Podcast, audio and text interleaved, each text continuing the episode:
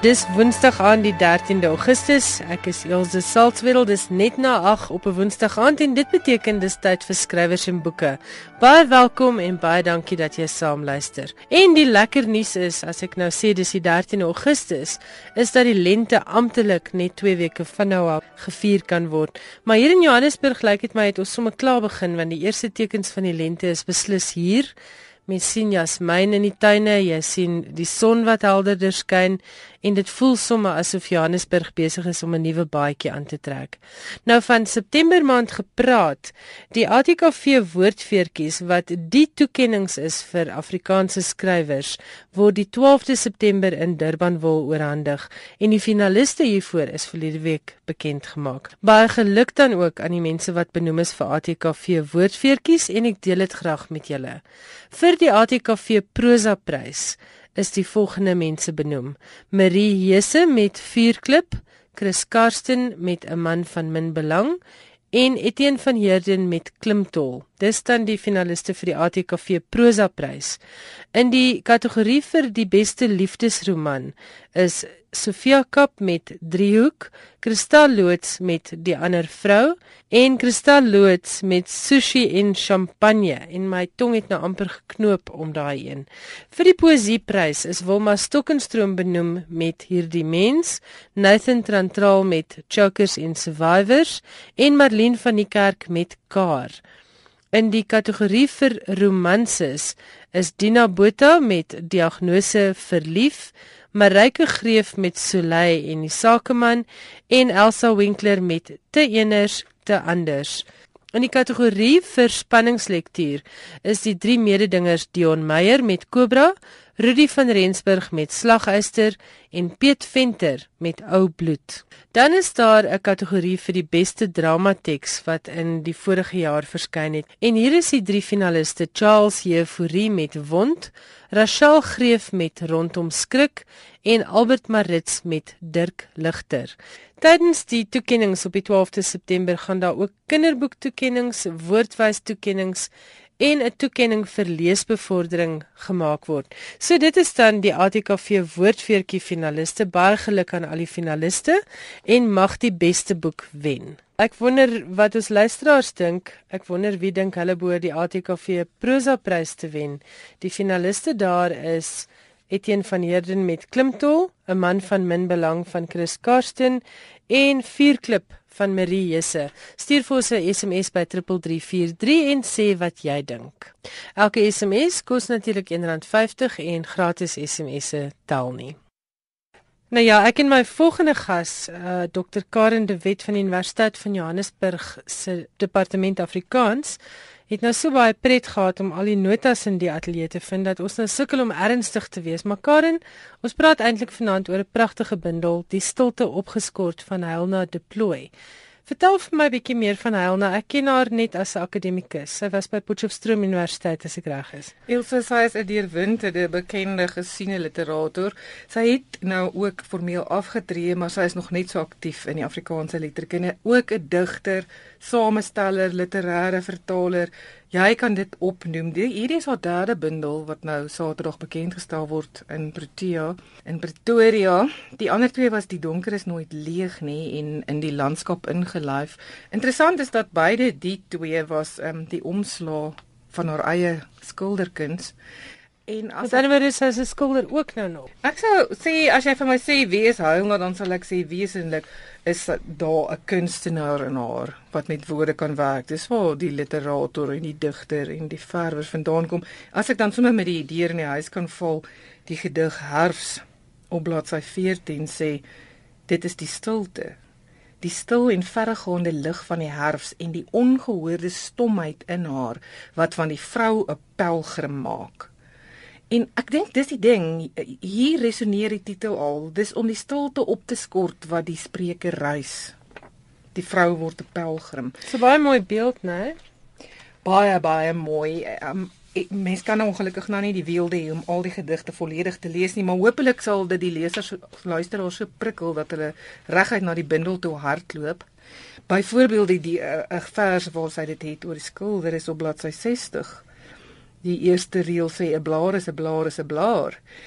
Maar dan die laaste strofe sê verslingerd op die groot blaarplant, suig en lek die kwas hom aan die groen verf dik en smak die blaar plat op die wit doek vas. Pragtig.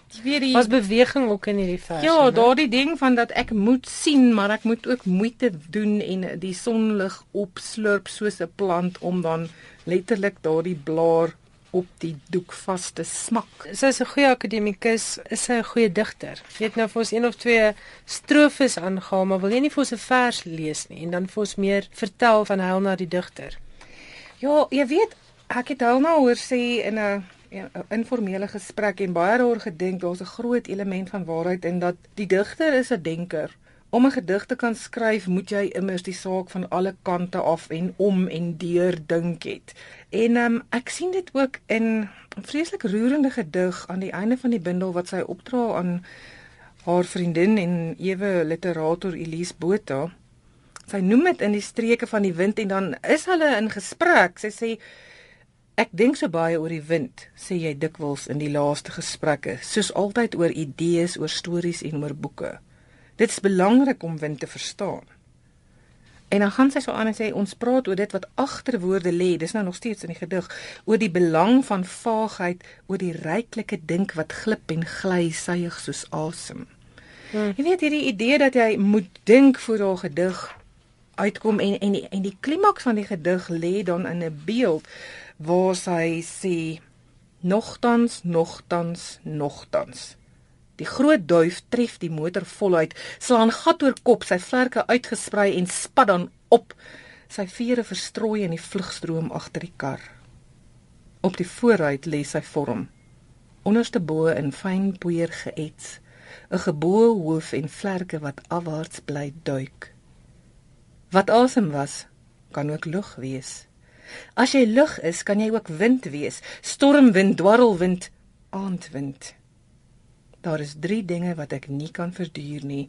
Nee, 4 wat ek met ontroering onthou, jou stem, jou oë, jou stem en jy met wie ek steeds in gesprek wil tree. Dis baie mooi. Dit is 'n gedig wat mens vir 'n goeie vriend en vir 'n minnaar en vir vir enigiemand kan. Ja, dis jy weet en miskien as jy nou vir my sê wat maak 'n digter 'n goeie digter? Dit is nou 'n geheimenis daai wat ons nie weet nie, maar is dit nie wat mense na 'n teks trek nie? Dat jy die beeld toepassing deel oor die duif wat tot niet gaan maar wat so pragtige merk na neerlaat hmm. kan vasvang in die woord of dat jy nie nodig het om daaroor te dink soos die digter dit waarskynlik onbewus gedoen het in die skryfproses nie, maar dat jy dit net kan lees vir die ontsaglike mooiheid. 'n Regtig 'n mooi beeld ook, né? En daar is iets tog van van hierdie soort digkuns wat ek baie geniet en dis dat dit dit is 'n akademikus soos jy nou al genoem het, maar dis ook baie toeganklik vir my as 'n gewone leser. Dis nie een van daai bundels wat jy regtig voel jy het 'n graad nodig om dit te kan verstaan nie. Ja, jy sien jy's nou op moeilike terrein. Ek dink nie mense het grade nodig om digbindels te verstaan nie. Maar, maar ek hoor wat jy sê. Mense is baie geïntimideer deur die digkuns dink ek. Miskien kan ons 'n program maak om mense te ontintimideer. Ja, dit sal vir my wonderlik wees want ek hoor baie keer daar's twee denkstrome en ek ek dink altyd as die twee net bymekaar kan uitkom want daar's die mense wat dink hulle gaan nooit digkuns kan verstaan nie en dan is daar hulle voel daar word neergesien op hulle versies. En as ons net daai twee kan kry om ergens in die middel te ontmoet, kan ons seker die digkuns uitbrei ook. Ek sal glad nie sê om aan te sluit by 'n vraag dat Helena se bundel die stilte opgeskoord 'n soort literêre teks is nie, maar hoe spitser jy jou oor afstem oor die teks, hoe rykliker gaan jy beloon word. Ek ek wil graag vir jou sê op bladsy 61 wat dalk 'n soort van 'n as poetikale verklaring is sy sê iets kosbaars benoem om dit te kan doen. Verg 'n bliksem van moed. Dis die tree tot by die afgrond. Die sprong met 'n brose vere mondering af in die see. Nou ek haal dit nou uit die konteks van die gedig uit maar nog steeds jy weet is daar nie iets van die van die digkuns in nie.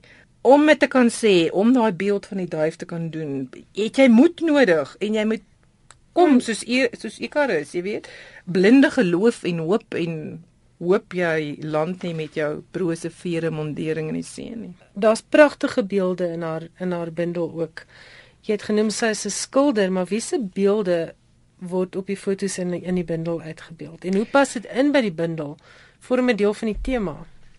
Ja, dis 'n baie baie baie mooi en interessante afdeling in die bundel. Dit is 'n beeldereeks van Maureen Koen.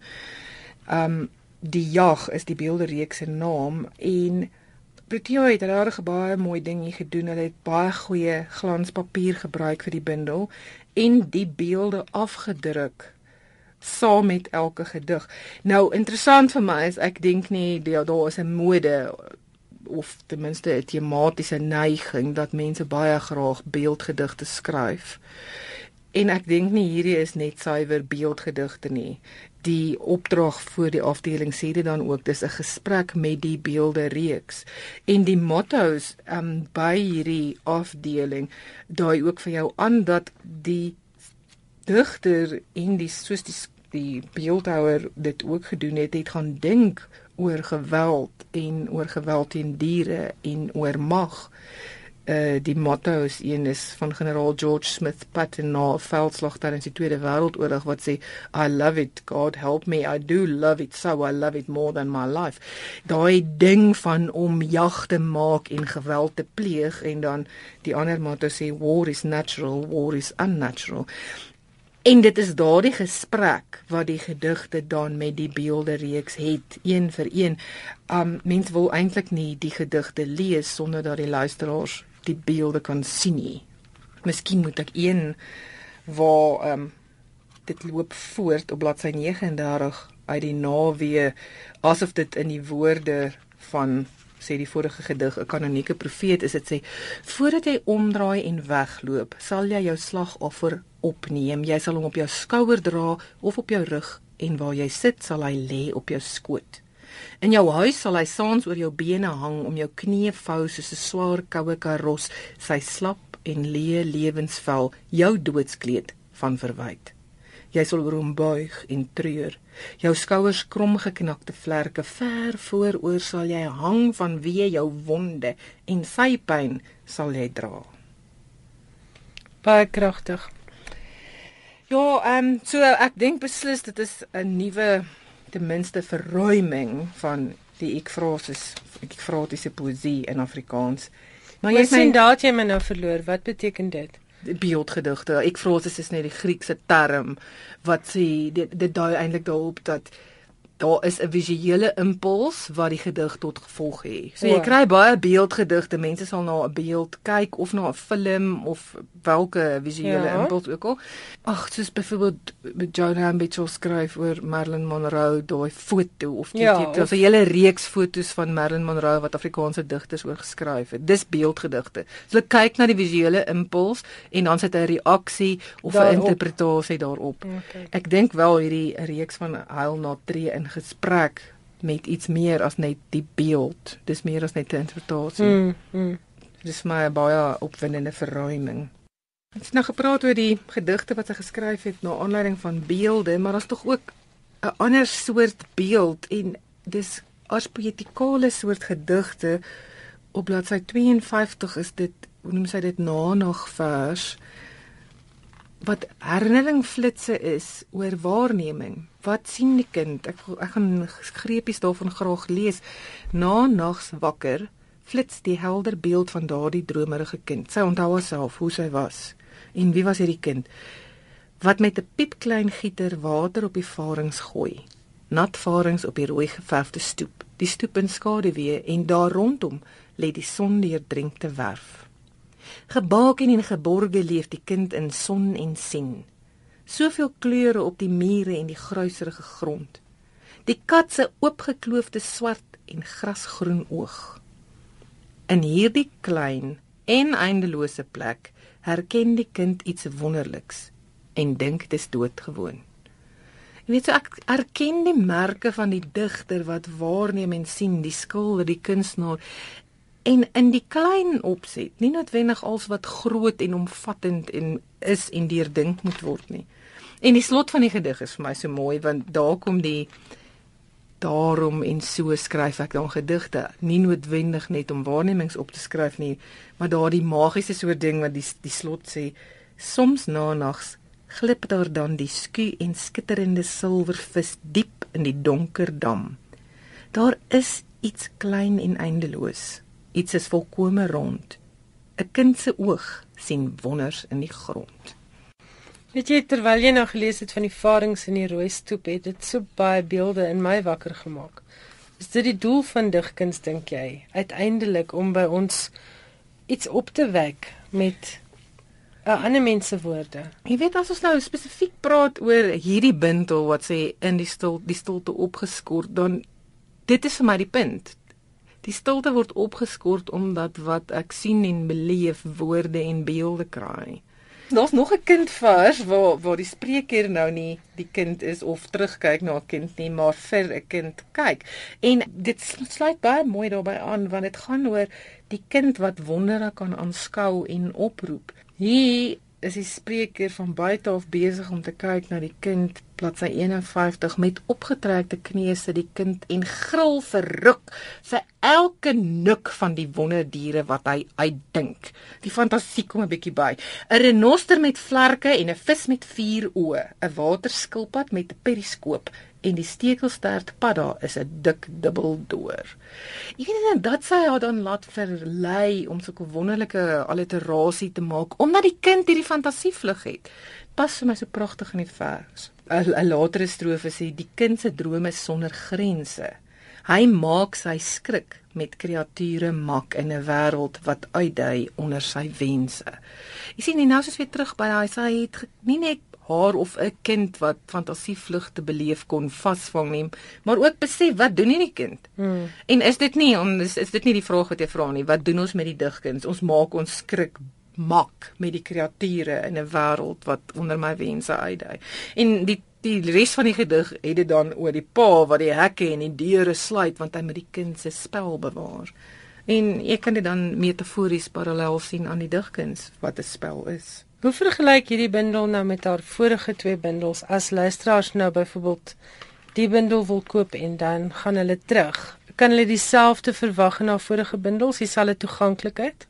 Toeganklikheid beslis ja. Ehm um, ek dink in die dekade of so wat sy gewerk het aan hierdie bundel of ander dinge mee besig was wat verloop het sedert haar tweede bundel, het haar digkuns ontsaglik gegroei en oopgebloei. Sy het baie goeie respons gekry op haar eerste twee bundels, maar ek sien 'n radversnelling hier. Ek ek wil dit eintlik metafories aandui deur 'n vers wat heel vroeg in die bundel begin op bladsy 24 om lig te reis, noem sy dit. En ek gebruik dit as 'n omdat ek dink hierdie bundel staan ook in die teken van af lê. Tot baie dinge verander. Die eerste strofe begin om lig te reis. Van 'n reis het sy telkens 'n klip saamgebring, van die kus van Amerika of van Vesuvius. In 'n klip sit onthou van gans alles vooraf, maar ook die gang van haar voete gister en nou oor die aarde. Jy weet en dan gaan dit 'n bietjie aan en dan sê sy Tussendeur hierdie bitter klippe, mensgemaakte stapels rampe, gal verhale te veel om te onthou, aanhoudend opgedis, kom daar dan die insig en sy begryp Sy moenie meer gewig versamel nie. Sy gooi die klippe uit en kies vir lug. Regtig baie mooi beelde wat sy gebruik. Weet en as jy nou onthou, en dis wat mense na smag, hoe ouer jy word, is om ligter te reis, om ligter te reis. Om jouself net vry te maak van al die goed wat jou bind. Presies. En, en jy sal onthou toe ons gekyk het na die gesprek in die tussen ehm um, in die streke van die wind tussen haar en Elise Botha wat ons nou aflei uit die opdrag wat sy vir Elise het dit ook gegaan oor ek dink so baie oor die wind. Oor die wind. Dis belangrik mm. om wind te verstaan. Waar lug is, is wind. Waar mm. lug roer, roer wind.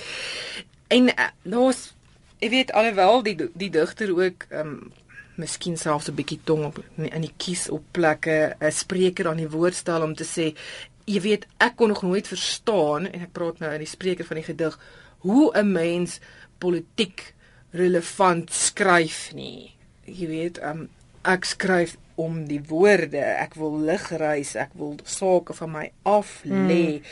Dan kan jy ehm um, dan sal jy tong in die kies deeltjie waar sy sê bladsy 68. Hoe kan jy van alles vir grond die heel liefste wees as dit net jou voete is wat met die aarde kan vry? weet so die beeld wat sy maak is ons is eintlik omring van lug. Daar's 'n klein stukkie van ons wat vas is op grond. Dan voeg sy by, versigtig, dat sy des nie teenstaande nogtans nie betoog het of gestruggle het nie. Ook dat sy des nie teenstaande nogtans niemand ooit geslaan het nie, nie 'n witte of 'n swarte nie. Sy sou wel graag wou byvoeg dat sy die kontinent nie self kon kies nie. Sy erken ook ruiterlik dat sy self nooit regtig agter die kap van die byl kon kom oor hoe 'n mens betrokke raak by die geskiedenis of die politiek nie. Sy was maar 'n gewone mens. En ek, verteller, dra ek haar woorde net so oor. Ek glo dit is haar wens. Jy weet so, is baie tong in die kies, né? Baie beslis, maar daar's ook 'n soort diepe erns aan. Mm. Jy weet, daar's ook 'n soort Jy weet wat het jy gedoen op hierdie aardbol? Mm. Ek wil graag afsluit deur weer te verwys na die tema van om lig te reis, die aflê van verskeie dinge wat mens wonderlik kan ondersoek in hierdie boek. Die laaste deeltjie van die gedig aangaande die naam van die roos. Sê Die vrou maak in 'n groot sak bymekaar wat kosbaar en in onbruik is dit rem haar af die letterlike las maar sy stap teen die stilte in oor die bult en uit in die woestyn daar ver sal sy die sak uitskud die klanke saai in die woestyn want sê nou eendag draai die wind en waai opnuut 'n reënwolk uit dan sal die sand self sing en tuit in varkensknol en duine tee in aasblom slangkos en in brakslaai sal die landskap duisendvoudig weer duisendvoudig blou in sterreblomme uitbreek. Karen, dit was 'n heerlike gesprek oor Helena se werk. Is daar iets spesiaal waarmee jy die program wil afsluit? weet ek gaan nou sê dankie want daar's 'n gedig waaroor ek baie jare al baie lief vir is. Die gedig het 'n interessante geskiedenis. Hy is al verskeie kere in in verskillende Nederlands vertaal. Mense kan dit op die internet gaan soek. Maar in die teken van die aflê en die kies vir lig, dit is vir my 'n baie besondere gedig. Daar was twee, dis die laaste twee in die bundel. Ek lees die eerste een, Lemoene 1. Sy pluk lemoene in die tuin. Hoeveel lemoene, vra die vrou, kan ek in my hande hou? Sy wil vir almal van die vrugte vat. Hoeveel lemoene, wil sy vra, kan mens in jou arms dra? Buite die tuin waai 'n woedende wind. Hoe ver gaan ek kom, dink die vrou, en sy buig oor haar vrag soos oor 'n kind. Een lemoen val. Dan val daar meer. Vir hoe lank, wonder die vrou, kan mens so teen die wind in beur? Jare daarna kom die vrou weer te staan voor 'n boom. Sy dink oor haar lewe soos oor 'n droom. Sy gee nie meer om oor hoeveel nie. Waarheen? vra sy nou. Waarheen? Lemoene is padkos. Die vrou pluk net een. Dit was die stem van Dr Karen de Wet van die Universiteit van Johannesburg se departement Afrikaans. Ons het gesels oor Heilna Deploy se nuwe digbundel Die stilte opgeskort. Dit word deur Protea uitgegee. Ek gesels vanaand met Alison Lowry. Sy was vir 23 jaar uitgewer by Penguin Books Suid-Afrika. Sy is nou 'n onafhanklike redigeerder en begeleier van skrywers se boeke. Ek het met haar gesels oor die feit dat sy in die onlangse tyd verskeie boeke van voormalige dwelmverslaafdes geredigeer het.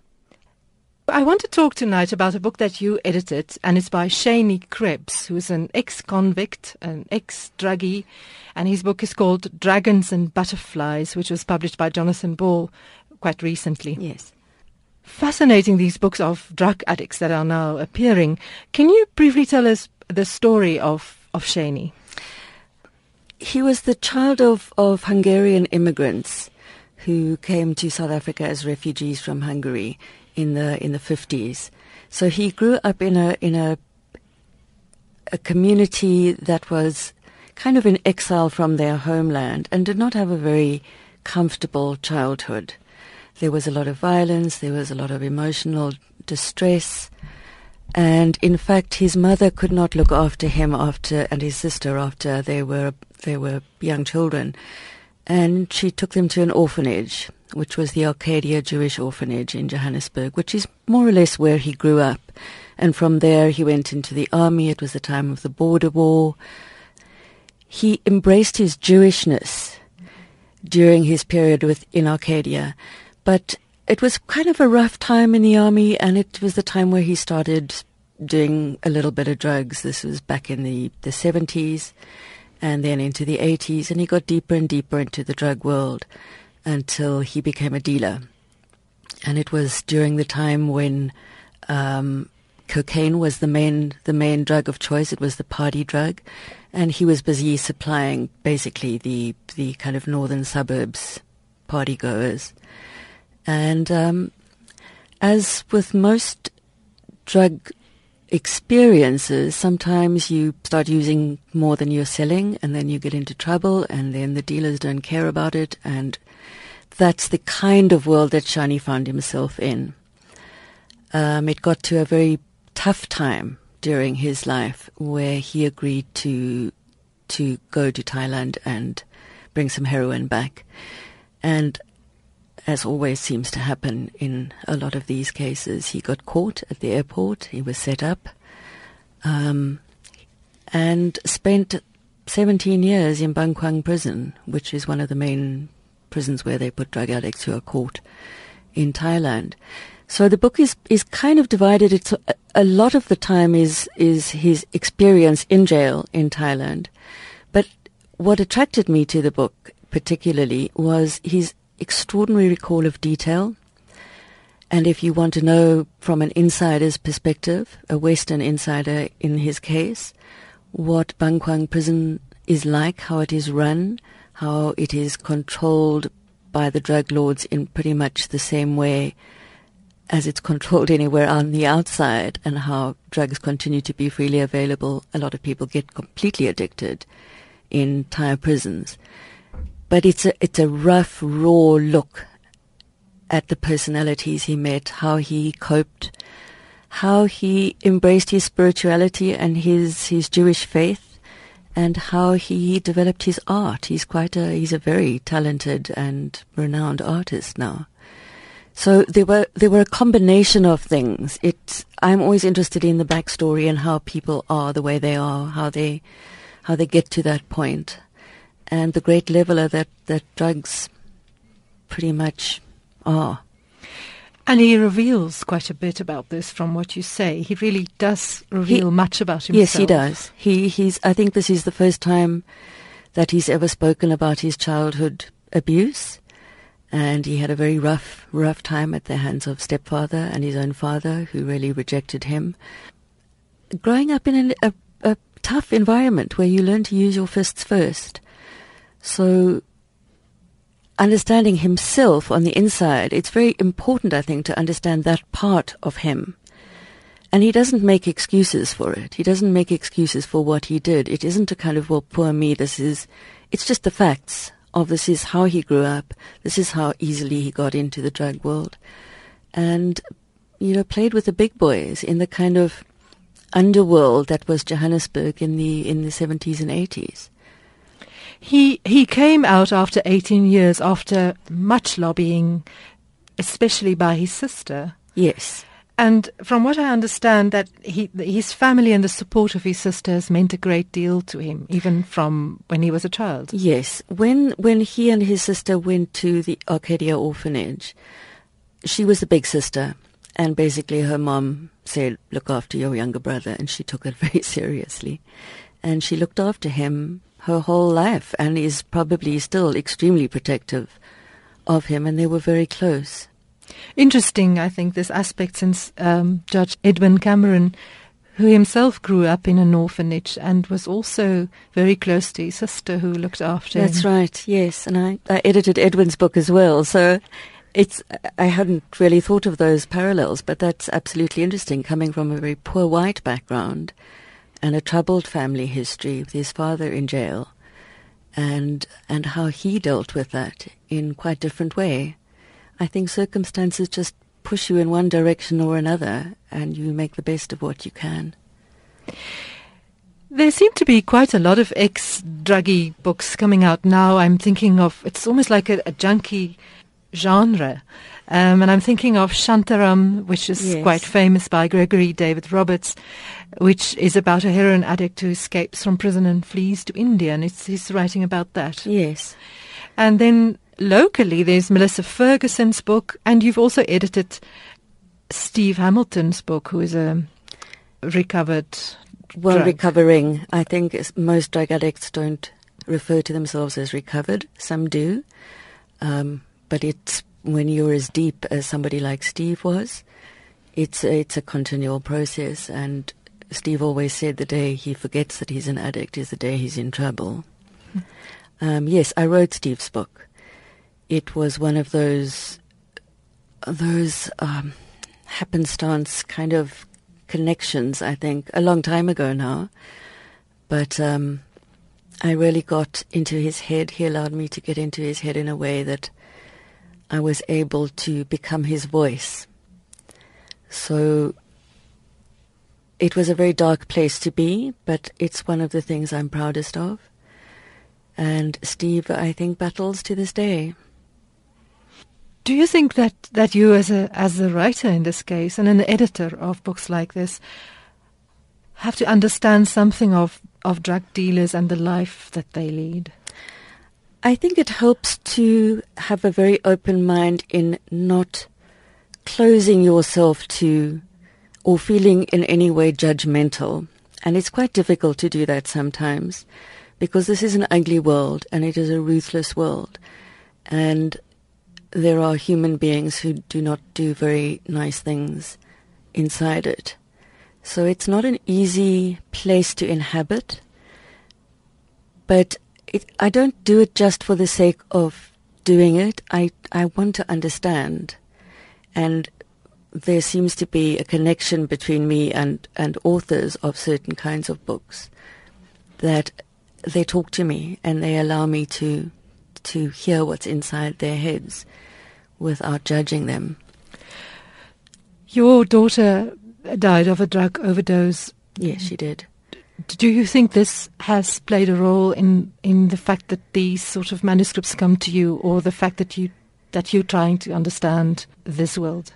I think that um, I, I wrote Steve's book when my daughter was still alive, and she knew Steve very well, and she and he had a particular bond. I think what what was eye opening to me at the time was that if there was ever a child who was drug wise, it was my child. But she was drawn to the drug world, and she liked drugs. And Steve's sort of catchphrase was drugs are cool but they'll kill you. And I don't know that I'm drawn to these things. I I don't know that it is something um, in me that me that that is is quite masochistic in this way. They are hard to do, but I do understand that there might be something in one of these books that just makes somebody think a little differently or be accountable for what they do. You are currently working on another book by Yes. a person who is also a former drug addict. Can you talk about that? The book is not published yet and not and not being advertised, but it is it, it's a similar kind of story. It's not a drug mule story, but it is a drug memoir um, by somebody who refers to himself as a recovered addict. So I think that is something that people will be interested in, in understanding how he can say that, because most most addicts don't. I think it might be the last one I do. Yes, I was going to ask. Do you think you could? I think Do I've, more. I've had enough. It's it's a tough it's a tough place to inhabit. Dit was Alison Lowry, voormalige uitgewer by Penguin Books Suid-Afrika en nou 'n onafhanklike redakteur. Baie dankie Corina van der Spool. Dan is hier nuus oor 'n baie lekker skryfskool wat aangebied word by die Taalmonument in die Parel. Dit word aangebied deur die bekende Harry Kamer. Nou Harry het baie min bekendstelling nodig. Hy is 'n dosent in kopie skryf aan die AAA School of Advertising in Johannesburg. Hy is die skrywer van 9 prosawerke, 23 opgevoerde toneelstukke, baie honderde ure se uitsaai televisie en twee rolprent draaiboeke. Harry het 'n meestersgraad in Afrikaanse kreatiewe skryfkunde en bied reeds sedert 2010 sy gewilde skryfkursusse in Afrikaans aan. Hy bied ook 'n Engelse kursus aan en gaan in November 2014 ook sy kursus in Amerika aanbied. Nou as jy wil deel word van hierdie skryfkursus, moet jy 'n werk indien wat dan gekeur sal word en dit sal bepaal of jy kan deelneem aan die skryfkursus of nie. Harry glo dat daar by storievertel 'n paar basiese reëls is en sekere gereedskap en vaardighede en hy sê dit kan deur enige iemand aangeleer en gebruik word. Oor die 2 dae gaan jy hierdie dinge ontdek en verken. Dis 'n praktiese slypskool en jy sal wegstap met 'n nuwe stel gereedskap om te help om jou stories beter te vertel. Aldus Harry Kamer. Die kursus wat 2 dae duur kos R400 en sluit ook 'n terugvoer verslag oor jou werk in. Die kursus vind daagliks van 9uur tot 4uur plaas. 'n Ligte middagete en koffie of tee is ingesluit by die prys van R400, maar opskit, daar's beperkte plek en omdat werk gekeur word, gaan jy moet begin skryf as jy iets wil indien.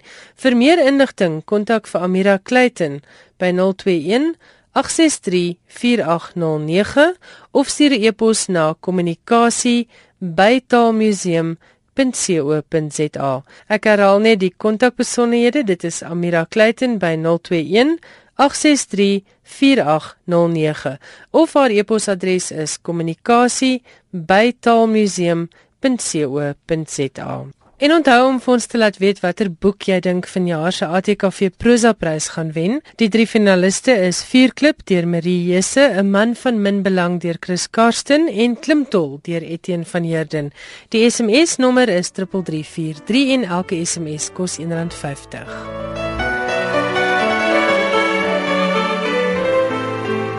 Johan Meiberg is by my in die ateljee soos gewoonlik met lekker nuus oor die internasionale boekewêreld.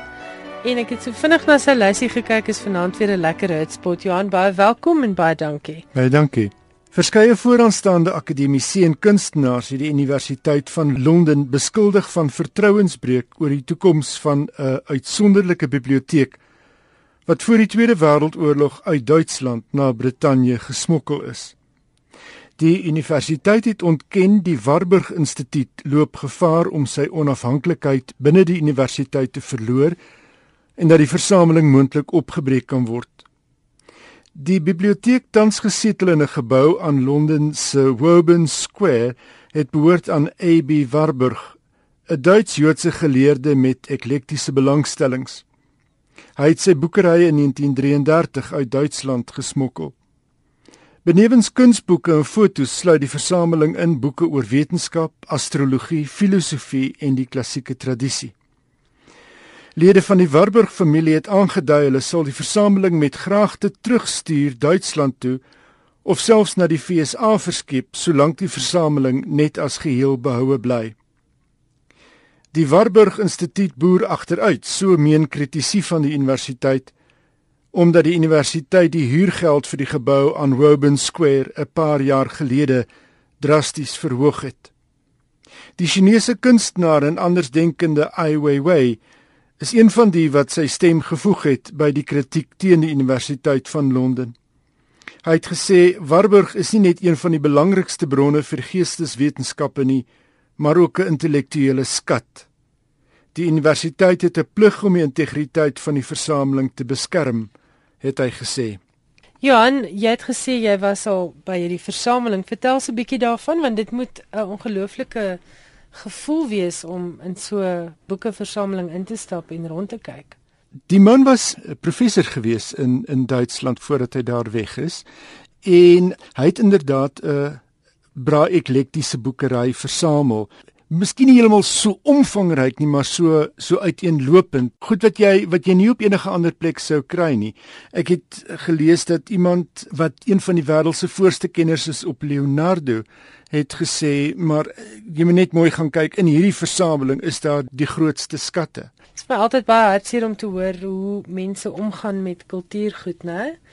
Jy gaan nie 'n sportman se versameling sommer opbreek en oor die water stuur nie, maar boeke is maar dis maar reg. En dis net wat die familie uitkom en sê ons sal eerder dit wegvat as as dat dit opgebreek word. Ja, en volgende praat jy oor 'n boek oor Ronald Reagan. Ja, die Amerikaanse geskiedkundige en skrywer Rick Perlstein het 'n boek oor die Amerikaanse president Ronald Reagan. Die titel is The Invisible Bridge: The Fall of Nixon and the Rise of Reagan, pas laat verskyn. En dit is reeds duidelik dat die boek dalk net so verdelend is as die man waaroor dit gaan. Kritici het sterk menings oor die boek. Sommige beskuldig Perlstein van slordige navorsing van onvolledige verwysings en selfs plagiaat. Bolstein is ook die skrywer van Before the Storm, Barry Goldwater and the Unmaking of the American Consensus van 2001, die boek wat in dieselfde jaar die Los Angeles Times prys vir geskiedskrywing verower het. Daarna het hy in 2008 Nixonland: The Rise of a President and the Fracturing of America uitgegee In die New York Times Book Review het die boek destyds as 'n belangrike toevoeging beskryf. Die velste kritiek kom egter nou van die Reagan-kenner Craig Shirley wat sê Paulstein het etlike dele uit sy boek van 2004 Reagan's Revolution sonder behoorlike erkenning oorgeneem. Shirley se prokureur het in twee briewe aan Paulstein se uitgewer Simon & Schuster 19 gevalle van onvoldoende verwysings uitgewys 'n skadevergoeding van 25 miljoen dollar en 'n openbare verskoning geëis. Boonop eis Shirley ook dat alle kopieë van die boek onttrek word en dat regstellings in die digitale uitgawes aangebring word. Paulstein se uitgewer het gesê die aantuigings is twak en dat Paulstein 125 keer na Shirley se boek op sy webwerf rickpaulstein.net verwys en dat al die endnote en duisende verwysings na bronne daar vermeld word. Paulstein het aan die New York Times gesê die beskuldiging van plagiaat gaan nie op nie. Ek is respekvol teenoor my bronne, het hy gesê. Geskiedskrywing is 'n spansport en 'n mens wys tog juis deur jou verwysings hoe jy jou spanlede ondersteun. Hy het voorts gesê hy vermoed die aanvalle op die boek kom uit konservatiewe kringe juis weens ongemak oor sy uitbeelding van Reagan. Die debat oor Paulstein se boek het met een ook 'n gesprek geopen oor 'n nuwe gebruik in die uitgewerswese. Die groeiende praktyk om endnote op 'n web te publiseer en dit nie in te sluit as deel van die boek nie. Simon & Schuster het gesê die boek van 856 bladsye sou met die endnote in die boek opgeneem ver meer as 1000 bladsye beslaan het en dat hulle ook om finansiële redes besluit het om dit nie in te sluit nie. Dit maak sin as jy praat van 400 bladsye se endnotas, maar ek dink nie dit maak sin om dit sommer net uit te laat as dit nie so groot finansiële impak op jou boek gaan hê nie, want dan voel dit vir my oneties. Wat is jou gevoel? Ehm um, my gevoel is dat die mense wat jy aanhaal, verwys jy na in die bron of in die boek of in die geskrif waar jy hulle aanhaal. Dat alles bymekaar staan. Ja, dit hang nie net in die lug nie. Jan, wat is volgende Met die 100ste herdenking van die Great War, soos daar in Brittanje na die Eerste Wêreldoorlog verwys is, toe die land op 4 Augustus 1914 oorlog verklaar het teen Duitsland, is dit gepas om die werk van minstens een sogenaamde oorlogsdigter weer voor die oog te roep. Die keuse val op die van Wilfred Owen. Wilfred Edward Salter Owen is gebore op die 18de Maart 1893 en dood op 4 November 1918, presies 1 week voor die beëindiging van die oorlog.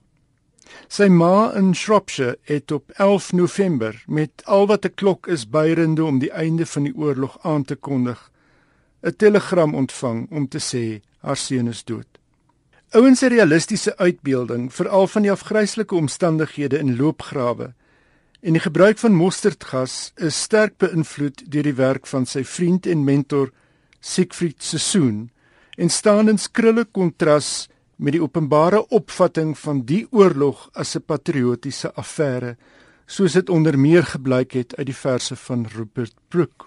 Volgens Tim Kendall, professor in Engels aan die Universiteit van Exeter, was Britte se opvatting aanvanklik dat die oorlog in wese 'n oorlog op see sou wees. Dis natuurlik 'n persepsie wat met tyd drasties sou verander, sê Kendall. Vandag weet ons dit was grootliks 'n oorlog in die modder van Vlaandere. Kendall het na navorsing oor oorlogsgedigte en digters 'n bloemlesing saamgestel in die Oxford World's Classic reeks. Hy is van mening dat dit te eenvoudig is om Owen en Sessoen as anti-oorlogsdigters te bestempel. Wat hulle verfoei het, sê Kendall, was die houding van die politici en die publiek wat geen benul gehad het van die omstandighede van die manskappe wat moes veg nie. Toe Owen notas op 25 het hy net 5 gepubliseerde gedigte nagelaat. In die 1930s het van sy ongepubliseerde werk gebundel verskyn en in 1994 het John Stolworthy 'n akademiese twee volume werk The Complete Poems and Fragments uitgegee. Owen se bekendste gedigte is Dulce et Decorum Est, Insensibility, Anthem for Doomed Youth, Futility in Strange Meeting. Dit is baie hartseer om te dink dat hy nooit die sukses self gesmaak het nie, die erkenning so. gekry het. Ja. Johan, jy het nou iets oor van Walter Benjamin. Ja, twee Amerikaanse geleerdes, Howard Island en Michael V. Jennings, het pas 'n omvattende biografie gepubliseer oor die Duitse literêre en kunskritikus en filosoof Walter Benjamin.